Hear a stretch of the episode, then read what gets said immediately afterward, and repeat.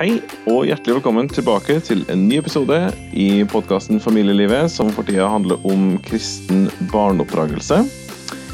Og i dag, dagens episode så har vi gleden av å ha med oss Maria Celine Lundby. Hjertelig velkommen. Takk for det. og eh, det som er emnet eh, har jenter som fellesnevner. Og så handler det Ja, må ikke flire av det. Eh, og så handler det om eh, ungdomstid, press, Ja. kultur Ja, en del sånne type ting omkring det, da. Mm. Eh, det tror jeg blir veldig spennende. Eh, og Maria, du er jo ikke helt tilfeldig valgt ut eh, til å være med og snakke om det. Nei, jeg er jo jente, da. Ja, det er du. Eh, og så har du engasjert deg, eh, går det an å si, hele ditt voksne liv eh, Ja. i sånn her type emner. Ja, jeg tror jeg bare sklei over fra ungdom til engasjert i ungdomsarbeid. Ja, ja, så det kan stemme. Ja. Ok, Mm. Liten sånn presentasjon først. Det er jo alltid sånn interessant å snakke litt om familiesituasjonen i det her. Eh, men du er jo altså mor. Ja, det er jeg. Mor til tre nå. Ei jente og to gutter. Fra null til fem år. Stemmer? Ja. Fra 0 til 5 år. Ja. Så jeg har ikke veldig god erfaring på tenåringer ennå, da. sånn som mor. Nei. Men du har jobba veldig mye blant og med ungdom, Ja. stemmer ikke det? jo da, det stemmer. For tida bor i Oslo, Mhm. men eh, litt sånn i bevegelse, forstår jeg? I bevegelse mot Fredrikstad, så det er veldig spennende. Ja, mm. det blir det. Ja.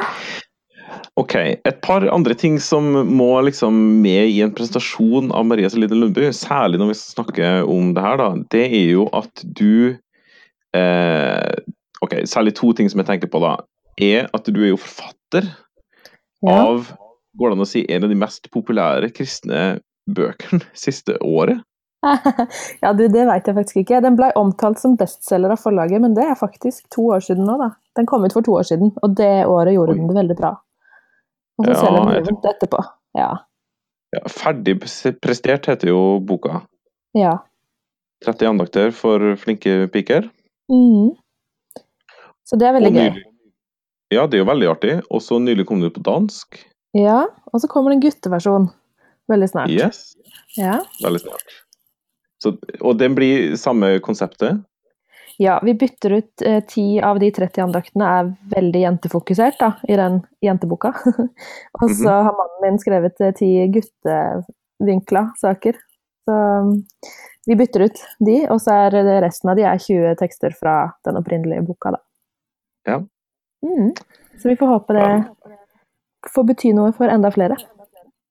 Ja, og når vi skal snakke om eh, ting sånn utover i episoden her, da, så er det jo mye av det som du har vært med og skrevet der, og jobba med, og som, som på en måte er bakteppet, og, og mye av grunnen til at du i hele tatt skrev det, og Mm.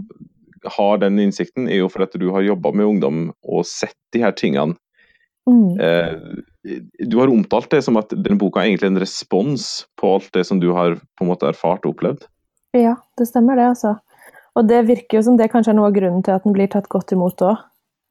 Ja, At for det er så nært er på det som faktisk direkte. Ja, jeg Ja. skjønner. Mm, ja, direkte svar. Ok, vi må si to ord om eh, en eh, Du er jo podkast-host også. Ja. sånn er det, vet du. Når du har mye på hjertet, mye behov for å formidle, så må vi bare starte egen podkast. Ja, burde, burde podkasten hett Mye på hjertet, egentlig? ja, kanskje. Vi har tulla med det, at den burde hete det. Men den heter jo da Noe på hjertet. Ja. Ja. Så vi har alltid er- noe på hjertet, da. Ingebjørg og jeg. Yes. Eh, der er det jo ikke bare sånn her type ting dere snakker om, forstår jeg, men, men eh, dere er jo damer, begge to. Ja. Eh, ja. Så det er jo emner som eh, angår dere sjøl, og eh, Skal vi se s- Samaldrende? Er det ja. Ja, altså vi, vi har ikke tenkt så nøye på hvem som er målgruppa. vi bare deler det vi er interessert i. Og så jeg tror at de som hører på, at det spenner fra sånn videregående til sånn småbarnsmødre, sånn i all hovedsak. Men det er nok noen litt eldre òg, altså. Ja. ja. Anbefales. Veldig gøy å få lov, i hvert fall. Så da ja. Um, ok. Uh, litt om uh, Litt inn på emnet her, da. Uh, som er litt sånn en sekk av emner, egentlig. Men du, du, må si litt mer om motivasjonen til å skrive ferdig prestert, og det som på en måte trigga deg til det, da. Mm. Um, for det er jo ei andaktsbok. Det er jo, ei, det er jo ikke ei um, det er jo ikke en bok som uh, tar uh, høyde for seg til å måte, beskrive kulturelle ting som beveger seg i samfunnet og sånne ting. Men du har jo mm. tenkt at jeg vil si noe fra Bibelen inn i det som jeg ser. Mm. Ja. Det stemmer. Altså Den konkrete situasjonen var at uh, Sven Arne, mannen min og jeg, vi bodde på Drottningborg videregående skole, internatskole. Mm. Eh, når vi var ganske nygift. Og da hadde jeg noen sånne jentegrupper på Drottningborg som var på en måte bibelgrupper, men med bare jenter. Fordi jeg syns det er noe spesielt med det fellesskapet man får når man deler i kjønnsgrupper, da, på en måte. Og får ja. den friheten til å ikke tenke på flørting eller hvordan ting blir tenkt på, tatt imot. Og ja, det blir en sånn egen eh, avslappa stemning, på en måte, når man kan mm. snakke om ting i sånne fora. Eh, og da utfordra de Jeg hadde to sånne jentegrupper, og så utfordra jeg de på å bare bestemme hva slags tema de ville vi skulle snakke om, og så forberedte jeg noe til hver gang. Mm. Sånn at da hadde jeg en slags innledning ut ifra tematikken som de ønska seg, og så snakka vi litt om det og Ja. Så det ble jo veldig livsnært mm. uh, på alle måter. Både fordi de bestemte temaet, og fordi de var med i samtalen etterpå. Ja. Uh, så det var egentlig den, den direkte motivasjonen, da, eller inspirasjonen til boka. Uh, og jeg tenkte at når, når, det er så mange av de som har spørsmål om så mange livsnære ting, så gjelder det flere. Så når jeg hadde forberedt litt ting til de og hadde tenkt gjennom en del av temaene i løpet av det året, så tenkte jeg hvorfor ikke gjøre mer ut av det. Og så har jeg alltid likt å skrive og ja, fikk grønt lys fra Lunde forlag, så da var det bare å kjøre på. så ja, så det er jo ganske korte tekster, da. Altså det er, de er kanskje litt lange til å være sånn andagsboktekster, det er derfor det bare er 30 stykker. Mm. Og så er det jo bibeltekster knytta til, litt for å utvide perspektivet og vise at de livsnære temaene Altså, du finner ressurser til det, og det omtales direkte og indirekte i Bibelen. Mm. Og så er det spørsmål til refleksjon hvis du leser det på egen hånd, eller til samtale hvis du bruker det i bibelgruppe. Ja. Så ja. Nettopp. Um, og den har jo blitt veldig godt mottatt, som du var inne på litt tidligere. Um, mm. Fordi at den er rett og slett spot on? Ja, jeg tror det, altså. Det virker sånn nå. var jo veldig spent når den kom ut, men den blir tatt veldig godt imot, altså. Ja. Og altså, den, eh, mange av tekstene er jo brukt både av gutter og, og av eldre, både menn og damer. og det er jo ikke sånn at hele boka er til jente 17 år, selv om eh, det var jente 17 år jeg hadde i hodet mitt når jeg skrev det. Ja, nettopp. Men du, hvis en skal liksom trekke linjene litt her likevel, for en del av dem som lytter nå, er jo sjøl foreldre til um, ja, jente 17, da. Eventuelt mm. uh, blir jente 17 om ikke så lenge. Mm. Um, og det vil, men alle Ok, særlig mødre da, men de fedre har jo også jente 17, på en måte. Mm. uh, men hvis du skal trekke litt eh, linjer ifra når du sjøl var jente 17 mm. um, Hva er de største endringene på den tida der? Og, og hva har det gjort med på en måte Hva er det viktigste å være klar over at har endra seg? Altså, det viktigste svaret på det er jo kanskje at mange ting ikke har endra seg. Jeg tror at mange kan tenke at å, det er så annerledes at de bare gir litt opp, da. ja, og tenker på, tenker på hvordan det er å være ungdom nå, at det er så radikalt annerledes. Men veldig mange ting er jo veldig like. De grunnleggende tinga er jo like. Det er jakten på identitet og finne seg sjøl og finne ut hva en skal bli og hvem en er. Ja, i det store bildet. Mm. Men en del av rammene rundt og kulturen har jo forandra seg ganske radikalt, tenker jeg, da. Ja. For eksempel så er jeg sjeleglad for at sosiale medier ikke fantes når jeg var 17. Um, jeg tenker at det enorme presset som ligger i det, uh, det påvirker tenåringer i dag um, i mye større grad enn en det kunne gjøre, for min del, da. Ja, nå er du 30 Nå er jeg 32. Ja. Mm. ja. Så jeg er jo dobbelt så gammel. Mm. men, uh, men altså, når jeg gikk på videregående, så fantes ikke Facebook, Eksempel. Ja. Eller Instagram eller Snapchat eller ja, alle disse foraene hvor man deler livet, og hvor alt blir så synlig og usynlig, og hvor du kan legge altså, ja, du kan legge filter på ting, og du kan velge hva du presenterer, og bare det at det blir så synlig at du ikke var invitert et sted, eller at eh, alt skal være så perfekt og filtrert. Mm. Eh, man, man blir påvirka av det, selv om vi på mange måter har blitt flinke til å snakke om at eh, vi må huske at det bare er deler av virkeligheten vi ser her, så er det så vanskelig å, å tenke det da, allikevel. Mm. Kollegaen min sier at når du scroller ned gjennom Instagram, så blir det til én person oppi hodet ditt. Ja. Og da er det den perfekte personen som spiser den maten og går på den turen og ser sånn ut og trener så mye og ja, får til alt, da. Jeg tror jeg, Eh, hørte, så- jeg tror jeg hørte deg faktisk i eh, en samtale en gang hvor vi eh, Kanskje jeg overhørte det faktisk også bare. At Ja. du sammenligna det med at når du scroller nedover en Instagram-profil til en person, altså, uh, Mm. så var det som at du underbevisst sitter du og sammenligner innsida med deg sjøl med utsida til den andre personen. Ja, det stemmer. det. Og det er jo sånn som vi gjør helt ubevisst. Ja, sant? Men, men det gir jo mening når man setter ord på det på den måten. Og det Ja, det er det som er For det er bare vi sjøl som kjenner vår egen innside. Ja. Og det er bare vi som veit at alle de tinga vi føler vi ikke får til. Og så ser vi alle de tinga de andre får til, og så veit vi ikke hva de ikke får til. Og så, ja. Nei, sant. Og så er det jo en ting er jo det med sosiale medier, men så er det jo den der smarttelefonen nå som gjør at det er så, alt er så tilgjengelig hele tida. Du får aldri pause, liksom. Mm. Så det tenker jeg er en veldig stor forskjell. Som gjør at det blir et annet press da, sånn fra utsida enn det det var før. Og man ser jo på statistikker og sånn at eh, jenter, altså tenåringsjenter i dag, er jo veldig Altså det er veldig mye psykiske utfordringer, mye mer enn det har vært noen gang. Og det handler jo om at det blir et enormt press da, på, på innsida, på en måte.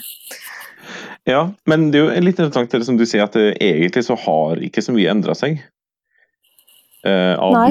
Dypeste tingene, går det an å si det sånn? Mm, ja, nei det mener jeg, det er vi jo, vi er jo mennesker. Ja, sant. Men rammene og ja, det utvendige presset, det tror jeg har endra seg litt. Og en annen ting som er en sånn direkte konsekvens av at alt har blitt så mye mer sånn tilgjengelig, kanskje, da, det er jo den seksualiseringa i samfunnet, f.eks. Ja. Altså, det var jo, det var jo mye ja, press på det når jeg var ung også, men nå er- bombarderes det liksom fra alle kanter. Mm. Og at porno er så lett tilgjengelig, f.eks., og ja. Det er mange sånne sider av saken som jeg tror har endra seg veldig fra jeg var ung. Ja. Det siste tingen som jeg har tenkt på, det er det med, med at alt har blitt så relativt. Og det tror jeg handler om globalisering òg, da. At uh, før så var liksom Vi vokste opp i en kultur hvor f.eks. den kristne kulturarven var selvsagt. Mm. Uh, og det, selv om det var jo på en måte annerledes og til en viss grad flytende når jeg var ung òg, men det tror jeg bare har gått tydeligere i den retningen. da, At alt er sant hvis det er sant for deg. og ja, At det er vanskelig å på en måte finne et sånn fast holdepunkt. da. Mm. Det, det tror jeg påvirker også. Pluss at man har jo alle valgmuligheter i hele verden, så det er vanskelig å vite hva som skal bety noe når man skal velge ting. Og det gjelder jo også identitetsspørsmålet. Ja, og da blir det på en måte fallhøyden blir bare enda større. Når det da viser seg at jeg, jeg klarer jo ikke å velge. Jeg klarer ikke å bli det som jeg eh, har muligheten til å bli, på en måte, for alle muligheter Mm. er jo prinsipielt åpne. Nettopp. Og da Og nå, altså, nå er jo til og med kjønnskategorien åpen, ikke sant? Så, Ja. så det er jo ingenting som står fast lenger i, hvis ikke vi snakker tydelig om hva vi tror om dette livet, vi som kristne foreldre, da. Ja. Og som kristne ungdomsledere. Mm. Ja, akkurat det må vi Det skal vi komme tilbake til, eh, eller liksom si, adressere enda litt tydeligere, da.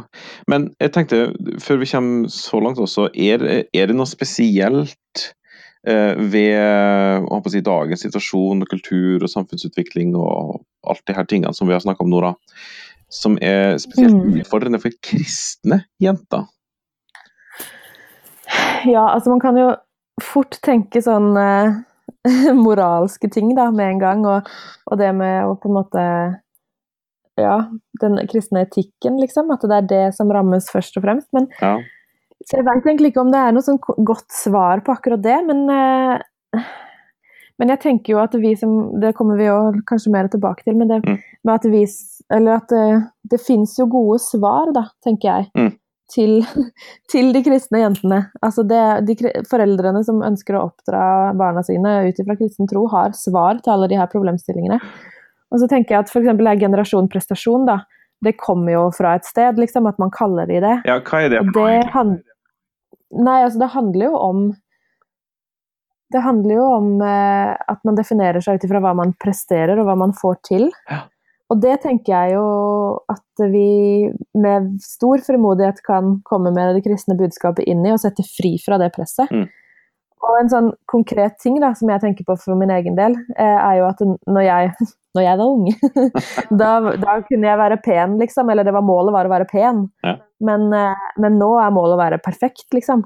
Du skal, ikke, du skal ikke bare være pen, men du skal være fit, veltrent, eh, super eh, på alt, liksom. Mm. Eller før så kunne det være bra at du var god i én ting. Jeg var hun som var god i håndball, mens nå skal du liksom være god i alt. Ja. Uh, og det er en sånn det er en merkelig utvikling på en måte, men det, jeg føler det, det forklarer hvordan generasjon prestasjon merkelappen har liksom Det er jo grunn, den tilfredsstiller et behov, på en måte. Ja. Og ja, det, vi trenger å forstå de som vokser opp nå, og det beskriver det på en god måte, da, og kaller det generasjon prestasjon. Mm. Ja, for Ja. her er det åpenbart at det er jo en uhorvelig stor del som bare blupp, detter gjennom den her Mm. eh, får til alt-greia. I alle fall. Alle får til noe, Mm. Ja, men, uh, men du føler deg aldri god nok, da, når du ikke får til alt. Nei, sant. At, Og og, når du får til alt, så er det fortsatt bare tomhet der, fordi du føler ikke 'Å ja, skulle jeg ikke føle meg perfekt nå?' Men så har jeg fortsatt den innsida mi som, som ikke samsvarer med utsida. Og så ja, sant. Og hvis jeg får til Hvis det nå en gang forsyner meg får til alt, da mm, blir det en ny dag i morgen. Jepp. Det er akkurat det. Fordi det er jo ikke meninga med livet å få til alt ut ifra de menneskelige standardene. Så det er jo naturlig at vi kjenner på det tomrommet. Og det er jo der jeg mener det er så frigjørende, det budskapet vi har da, som kristne. Ja, for hva er det som vi har som er så unikt i møte med det her? Det er jo en haug av ting, Ja. kanskje, men viktigst for deg å si, tror du? Ja. Eh, les ferdig prestert. Nei da. Ja. Der står alle de svara. Eh, nei, altså det, det som er viktig for meg, er jo for det første å formidle at eh, det er ikke et mål at du skal føle deg god nok. Fordi du er ikke god nok. Eller altså vi, vi er mennesker som er prega av syndefallet, så vi kommer aldri til å bli perfekte. Nei. Og da å, på en måte ta inn over seg den sannheten, det er enormt befriende. Hm. Og det er litt sånn, det høres så rart ut, men det er frihet i det å innse at man er en synder. da, At man ikke får til ting. Hm. Og, og det, den friheten ligger jo i at eh, etter det kommaet der, du er en synder, så kommer det, men Jesus har ordna opp alt fordi Jesus klarte alt, fordi Jesus var perfekt. Mm. Eh, og det skal vi få lov å tro. Og da blir alle de andre tinga Men de får et annet perspektiv, da, eller man får se ting i et annet perspektiv. Mm. Eh, du får se at det, det er ikke meninga med livet at jeg skal få til ditt og datt, men det er meninga med livet å leve nær Gud. Mm. Ja, og da, da blir livet godt, da. og så blir jeg god nok allikevel. For det er det jeg syns er kanskje noe av det mest frustrerende med den her god nok-greia. Det, eh, det er jo det at man kan ikke bli god nok. Og noen mener jo at løsningen er å innse at man ikke kan bli det, og så stopper de der. Mm. Men jeg tenker det er jo ikke tilfredsstillende for et menneske å bare skulle senke lista, liksom. Og ikke skulle, ikke skulle ønske å strekke seg etter noe. Mm. Vi kan ikke bare bli enige om at vi sier at god nok har litt lavere standard. Fordi det vil, det vil, vi jo ikke godkjenne, ikke sant? vi trenger at noen sier, sier, at godt nok er dette, liksom. Mm. Og ja. Og der, der er Bibelen eh, Bibelen har budskapet til oss der, da. Mm. Mm. Så ja, jeg tror eh, den radikale nåden som Jesus tilbyr oss, den gir oss perspektiv på livet, da, som gjør at, eh, at det blir godt for oss å leve med oss sjøl, da, ja. først og fremst. Som det vi snakker om nå, men selvfølgelig også med Gud og med hverandre. Men uh, nå tenker jeg på selvbildet her, da. Ja, for det blir jo på en måte det som mm. Ja, for det, det, blir jo litt sånn underforstått her. Det jo, evangeliet er jo helt nødvendig for ei ung jente og gutt mm. eh, for å bli frelst. Men, mm. men, i evangeliet så ligger det også en sprengkraft det til det menneskelige livet. da. Eh, mm. som, eh, og det, det, akkurat det jeg tenkt en del på sjøl òg. Her er det jo på en måte svaret med stor S inn mm. i all økende statistikk for uh, psykisk helse sant? og masse mm. sånne greier. Mm. Som, som, bare OK, det blir liksom bare tydeligere og tydeligere at verden har faktisk ikke det å tilby og gi som mm. et menneske dypest sett søker. da. Mm. mm. Nettopp. Men du, altså, det er jo tydelig at du har erfart det her i ditt eget liv, og, og mm. måte kjent på det som jente. Men mm. eh, hvordan opplevde du responsen ja, kanskje for den gruppa i Drottningborg, på Drottningborg, men også ellers noe enda litt ferskere, på en måte. Eh, mm. Eksempel fra jenter jenta, tenåringsjenta særlig kanskje da, mm. som på en måte har fått, begynt å få smaken litt på det her. Ja. Hva skjer, liksom? Nei, altså jeg opplever jo at de sier at det her gir mening i livet, og det her gir frihet og fred med seg sjøl, da. Og at man får, eh, får en sånn Ja, får senka skuldrene, da. Mm. Og det, sånn at det, det, oppleves relevant. De, nå har jeg ikke snakka med kjempemange om det. Men, men, det er jo et kjennetegn på denne generasjonen, da, at de er rause med responsen. Og de er vant til å få tilbakemeldinger, og de er rause med å gi tilbakemeldinger. Så plutselig så får jeg jo en melding på Instagram eller hva det er med 'dette var så bra', liksom. Ja. Og det er, jo, det er jo veldig til velsignelse. og det gjør jo også at jeg ser at det her betyr noe for noen. Ja. Uh, så, så, jeg tror det er en veldig viktig måte å, å snakke om troa på, da. Ja. Å få med det perspektivet òg, at ja, vi er skapt av Gud, og vi er frelst. Og så er vi, er vi ikke liksom sluppet løs heller, men Gud ønsker å være med oss i akkurat det. da. Mm. Og hjelpe oss til å forstå hvem vi er, og at uh, livet vårt kan være godt sammen med ham. Mm. Mm. Det er rett og slett å, å plassere uh, mennesker inn i den store fortellingen, gåseøyne, som Bibelen ja, det er har. Er ikke det? Mm. Mm. Det er akkurat det det er. Og det er jo det som gjør at jeg kan tro på dette her òg, ikke sant? Fordi det gir mening for livet mitt da, her og nå. Ja. Det er ikke bare en teori, liksom, eller eh, Eller at jeg har lest Bibelen fra perm til perm, og derfor så vet jeg at det er dette jeg tror på. Men, men altså, det gir mening ja, man... i min hverdag, i mitt dårlige selvbilde, i min Ja. Når jeg svikter som forelder, og når jeg svikter som venninne, og når jeg svikter meg sjøl, og når jeg Ikke sant. Alle de tinga som vi ikke får til, da, fordi jeg aldri blir perfekt. Mm så ser jeg at det her gjelder ikke bare at jeg i møte med Gud er en synder, men det gjelder også i møte med alle ting i livet. Mm. Mm. Um, som foreldre, um, hva er det viktigste man kan gjøre da? Overfor sine mm. Ok, det, nå er vi kanskje to grupper her, faktisk. Um, overfor sine tenåringsdøtre. Ja. Men kanskje det er jo fantastisk fint hvis man kan begynne litt før det. Ja. Altså Det er faktisk en del av svaret mitt. Ja, Vær så god. ja. Eh, ja, altså Jeg tenker at det viktigste man kan gjøre som foreldre Nå har ikke jeg tenåringer sjøl, men ut ifra hva jeg ser, da, så savner mange tenåringer voksne i livet sitt. Og det tror jeg handler om at voksne tenker at oi, det her er en helt annen verden. Eh, så de bare slipper litt taket og satser på at dette ordner ungdomsarbeideren i menigheten, eller eh, de som er på den kristne internatskolen, eller ikke sant. Mm. jeg tror at mange kan være litt redd for å, for å liksom gå inn i det. Eh, men det er der jeg tenker at det, det, viktigste foreldre gjør, er å være til stede, da. Mm. Og når jeg leser om sånn derre Ja, mamma og jeg er bestevenninner, så får jeg litt sånn Det skulle jeg ønske dere ikke var. jeg, skjønner, jeg skjønner på en måte at det er noe fint i den nærheten, og at det er fint at det ikke er sånne opprør på en måte da, mellom tenåringer og foreldre, mm. som det kanskje var veldig mer av før.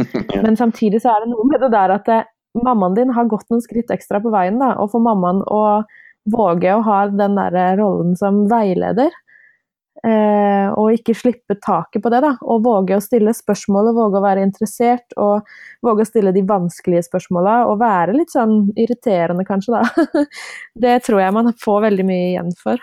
Og så tror jeg at de som vokser opp, trenger tydelige voksne rollemodeller som lever som de preker, og som eh, ja, som er interessert. Da. Mm. Ja, og da, Når du sier det, så mener du ikke at det står i kontrast til et vennskapsforhold? Altså, da tenker jeg nærheten. For, ja. for det vil man jo ha, vil man ikke det? Ja. Jo, jo, jo. Nei, jeg tenker ikke at det står i kontrast til det å være venner, men jeg tenker at hvis det utelukkende er et jevnbyrdig på en måte venninneforhold hvor ikke den andre påvirker den andre på noen måte, ja. sånn ja.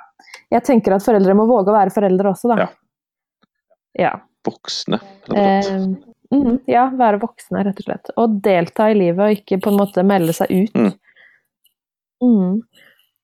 Og så Altså det er jo det også, da, med det, det generelle. Altså, ungdommer i dag er li, ungdom på, li, på, lik linje med alle som har vært det før. Mm.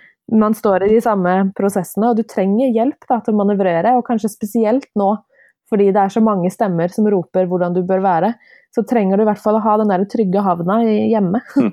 Hvor du veit at det, her kan jeg være maskeløs, og her tåler de meg selv om jeg sier dumme ting eller gjør dumme ting, eller ja, det er så mange krav og så mye forventninger overalt da, at uh, mitt mål, eller min drøm i hvert fall som mamma, er å kunne være en sånn som bare er ubetinga kjærlig mot barna mine, og som rommer når de feiler, og som våger å ta imot dem på en måte når de går på en smell. Ja. At, ikke det skal være, at ikke det skal være en ekstra byrde å komme hjem og fortelle om kjipe ting, da. Ja, men jeg har jo som sagt ikke noe erfaring sjøl. Men jeg ser at eh, tenåringer i dag trenger voksne. Mm. Ja. Og, og så, det og så nevnte du være, Man kan bety noe for de som man ikke er foreldre til òg, da. Det vil jeg bare også si. Ja. Og oppmuntre til. At, eh, at man trenger jo også voksne som ikke er foreldrene. Og kanskje kan man som foreldre på en måte pushe dattera si eller sønnen sin i retning av noen som kan være gode forbilder. Akkurat det har jeg hørt noen uh, kristne foreldre helt tydelig uttalt. Uh, takknemlighet overfor andre, ja, typisk unge voksne, som, som ja. ikke har vært en generasjon over, men uh, en halv og en kvart generasjon over, typisk. Mm. Så takknemlig for at dem som tydelige kristne viste interesse og snakka med de etter hvert tenåringene og tenåringene mm. som strever med sine ting. sant? Og mm. Det er ikke alltid foreldrene er på en måte det beste å ta imot gode råd og veiledning ifra. Nei. Men at andre da involverer seg, og her, her, tenker jeg, her kommer jo menighet og kirke inn, altså.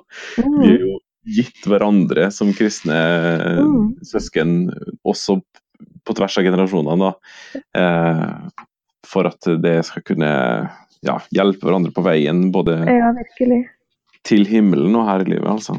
Ja. Ok, men du nevnte så vidt at en del av svaret ditt vil være også å begynne tidlig? Ja, fordi at du eh, har jo spurt meg på forhånd når man, når man skal begynne å snakke om ting, da, og når man skal Ja, hva man skal begynne med.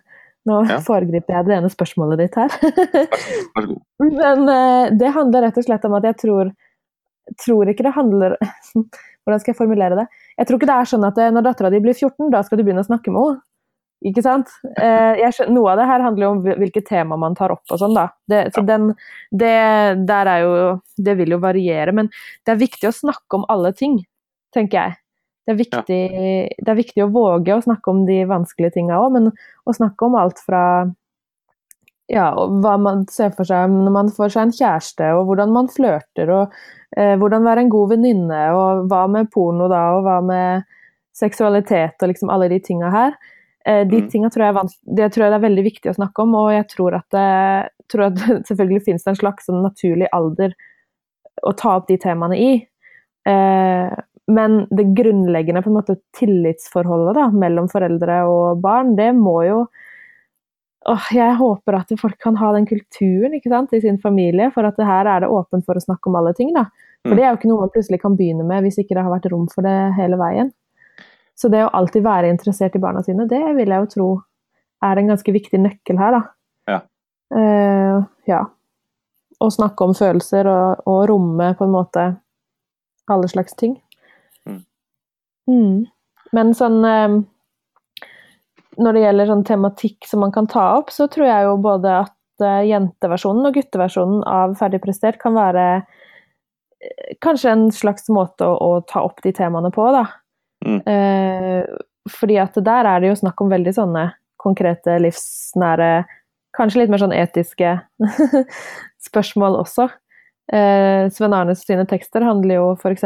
om, om porno om om onani om rått snakk og eh, ja, vi har noen felles ting om seriøs flørting, og, og, jeg skriver også om, om baksnakking og om å være en god venninne og ja, mange sånne konkrete ting, da. Mm. Som man kanskje syns det kan være liksom vanskelig å ta tak i, men som jeg tror er nei, kjempeviktig å liksom sette ord på.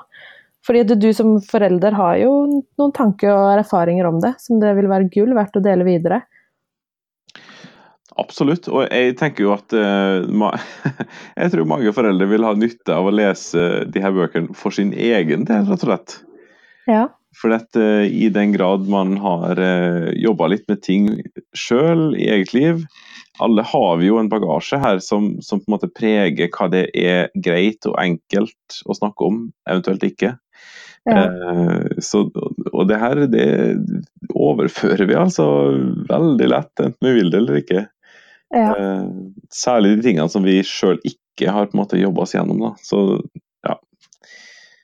Kan, jeg tror den enkelte kan ha stor nytte av å lese om og tenke på, gjerne også snakke med ektefelle eller en god venn om sånn type emner. Ja. For sin egen del sjøl også, da. Ja, helt klart. Ok. Eh, er det noe mer vi må si om eh, de her tingene her? Mm, ikke som jeg kommer på, tror jeg. Nei. Nei, men jeg hadde lyst til å kanskje anbefale en bok, da. Okay. Eh, som jeg ikke har fletta inn, og det er den Torbjørg Oline Nyli sin 'Åndelige foreldre'. Ja. Den, eh, den, Hun tar jo opp dette her behovet for, eh, for kommunikasjon på tvers av generasjoner, egentlig. Mm. Og det behovet for forbilder og for eh, tilstedeværende eldre, da. At det må ikke være det må jo ikke være dine biologiske foreldre som også er dine åndelige foreldre, men tenk så fantastisk hvis foreldrene også kan ha den rollen, da. Mm. Å være til stede i barnas liv på den måten. Ja, så den er jo et svar på et rop fra den yngre garde, egentlig. Nettopp. Så anbefaler foreldre å lese den boka. Åndelige foreldre. Ja. Bra tips. Um, OK, Maria. Vi skal uh, legge ballen klar til uh, frisparket. Mm. Så uh, vær så god, her kan du få si det som du ønsker å si. som er viktigst om kristen barneoppdragelse. Eller kanskje ikke viktigst, ja. jeg vet ikke. Nei, det er i hvert fall noe som ligger meg på hjertet. ja. Men jeg tror kanskje ikke jeg vil kalle det det viktigste, nei. ja, ja. Vær så god. Ok. Ja. Jo, takk. Um, når jeg fikk det spørsmålet, så tenkte jeg jo mest på meg sjøl som småbarnsmor. Uh, og da kom jeg til å tenke på den gangen vi fikk en bok i hus som uh, var en kristen bok uh, retta til barna, som gikk rett i søpla hos oss. ja. og det, det, var rett og slett fordi at ja, det å få barn det har liksom tvinga meg til å tenke gjennom hva jeg tror på, på en, på en litt mer sånn Kanskje litt sånn helhetlig måte òg, da. Men jeg har blitt veldig opptatt av å tenke gjennom hva er det jeg formidler til barna mine, i stedet for å bare liksom videreformidle de ferdigtygga barnesangene eller barnebøkene eller sånn fra jeg var liten sjøl. Mhm. um, og denne boka her, den um, har jeg ikke sett før. Altså, den het 'Unnskyld', og den var veldig sånn enkel og lettlest for de små, da. Og eh, blant annet en av tinga som boka handla om, var eh, at barnet skulle si unnskyld for at jeg ble sint. Eh, og så blei det satt inn i det, liksom, det, store perspektivet med at vi som mennesker er syndere, og at det at vi blir sint og krangler, ja, er et resultat av at vi er syndere, da. Men det tenker jeg er liksom en for stor Det er for stort for et barn å forstå da, når du er kanskje tre år, at det er det det betyr. Mm. Så jeg tenker at Hvis jeg hadde lest den boka for mine barn, så hadde de hørt at jeg får ikke lov å bli sint. Og det tenker jeg at det må være rom for at de blir sinte, og at det er en del av å kjenne på følelsene som barn når de vokser opp. Mm. Så jeg, hos oss så gikk den boka rett i søpla, da. Fordi det, det, er ikke en måte å formidle tro til barna på som jeg kunne stå inne for. Eh, og så det, når jeg tenkte på denne boka, så kom jeg også til å tenke på når vi synger eh, på kvelden da, for disse barna, så synger vi bl.a. 'Kjære Gud, jeg har det godt'. Ja. Og der er jo den opprinnelige teksten egentlig eh, ja, En av linjene er 'Kjære Gud, gå aldri fra meg'.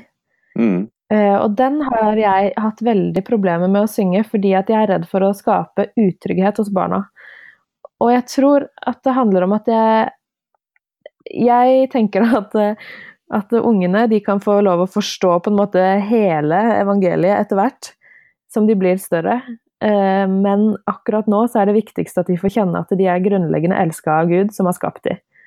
Og derfor så har vi endra den tekstlinja til 'takk at du går aldri fra meg'. For å bare understreke at uh, vi tror på Jesus, vi er Guds barn, og da kan vi stole på at Gud er den han sier han er. Den linja har vi endra, vi også. ja, vi har det? Vi har endra litt ja. til noe litt annet, men det er samme greia likevel, da. Uh, hjelp meg så jeg ei går fra deg, har vi endra til. Og, og, poenget der er jo at og, og jeg mener jo det er Eh, du er helt rett når du sier det som du sier, men, men, jeg vil jo kanskje dra det enda litt lenger og si at det, eh, det som den teksten utgangspunktet formidler, er jo faktisk feil. Uh, ja, det er jo For det. alle aldri, holdt jeg på å si. Det er jo ikke Gud som går ifra oss. Det er jo, hvis det er noen som går noen plass her, så er det jo vi som går noen plass. Ja. Altså bort ifra. Så, så, det er faktisk eh, ikke bare feil i et barnesinn som skal eh, føres fram for Jesus, holdt jeg på å si, i troen. Men, eh, men også med Bibelen i hånda, så kan du ikke si det, da. Uff a meg. Og jeg tror det er mange sånne ting da, i, ja, som vi lett liksom tar med oss eh, fra kulturarven vår. Ja. som vi gjerne kan tenke gjennom en gang til. Så for meg har det her blitt en sånn påminnelse om å tenke gjennom hva er det jeg formidler til barna mm. mine. da. Hvordan kan vi skape den der trygge troen helt fra starten av? Og så får vi ta ett skritt av gangen. De skal, de skal, forstå helheten i at de er syndere, tror jeg. Etter hvert. Men uh, når de er tre år, så er det ikke rom for alt. Nei. Ja, det var bra frispark. Nyttig. Tusen takk. Og så er det jo eh, det spørsmålet som vi har med i hver eh, episode også, da.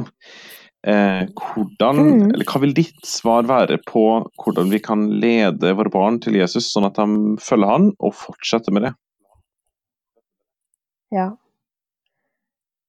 Det er kanskje en fordel at jeg ikke har så mye erfaring med å være mamma, da, for da kan jeg ikke komme med et sånn bastant svar 'dette er oppskriften'. Men eh, jeg tror det at noe av min usikkerhet i hvordan jeg skal få det til, også er et slags svar, da. Fordi eh, um, jeg tror at det først og fremst er Guds ansvar å skape den troa i deres hjerter mm. og bevare de. Eh, og det er det enormt frigjørende for meg som feilende mamma å mm. klamre meg til. Og så tror jeg allikevel at det er noen ting som ligger på meg, da, og som jeg kan ha et bevisst forhold til. Um, og det handler kanskje om det med å skape den tryggheten i hvem Gud er, og ikke skape det derre skremmebildet som jeg tror noen i tidligere generasjoner kan ja. ha vokst opp med.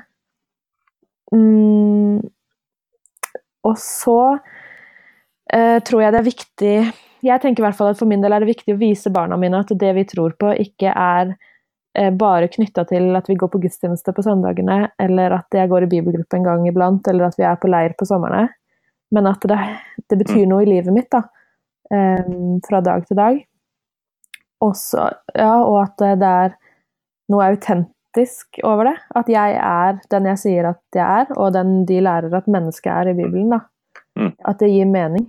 Ja, det tror jeg kanskje er det aller viktigste, og så får Gud ordne resten, på en måte. Ja, det er det, i hvert fall det jeg finner hvile i som mamma, som ikke ønsker noe annet enn at ungene skal få den samme troa som, eh, Mm. Som jeg har fått, da. Ja. Veldig flott. Tusen takk, Maria. Bare hyggelig. Det var stas å få lov å dele litt. Ja, det var veldig fint. Vi anbefaler boka ferdig prestert. Gutteboka kommer også snart. Nå Noe Yes. på hjertet har jo episoder som kommer på løpende bånd, Ja. så lytt gjerne til det. Og, Og den siste episoden den handler om tro og medier og bl.a. barneoppdragelse. og Så den, eh, Oi, oi, den er i hvert fall relevant for foreldre. Ja, ja, kjempebra. Du, eh, hjertelig takk for at du har vært med. Takk for det. Og så ønsker vi hverandre og lyttere lykke til i uka som kommer, som fedre og mødre. Vi høres igjen.